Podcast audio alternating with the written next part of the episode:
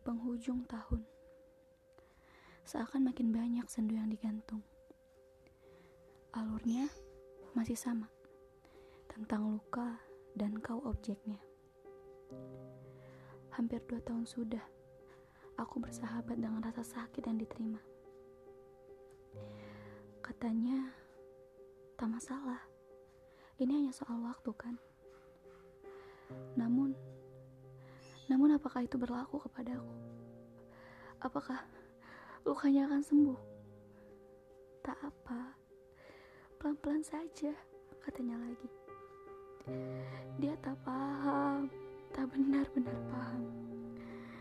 Bagaimana aku menimang kebingungan sendirian.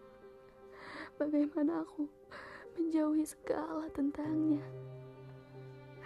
Dan baiklah, aku akui sekarang.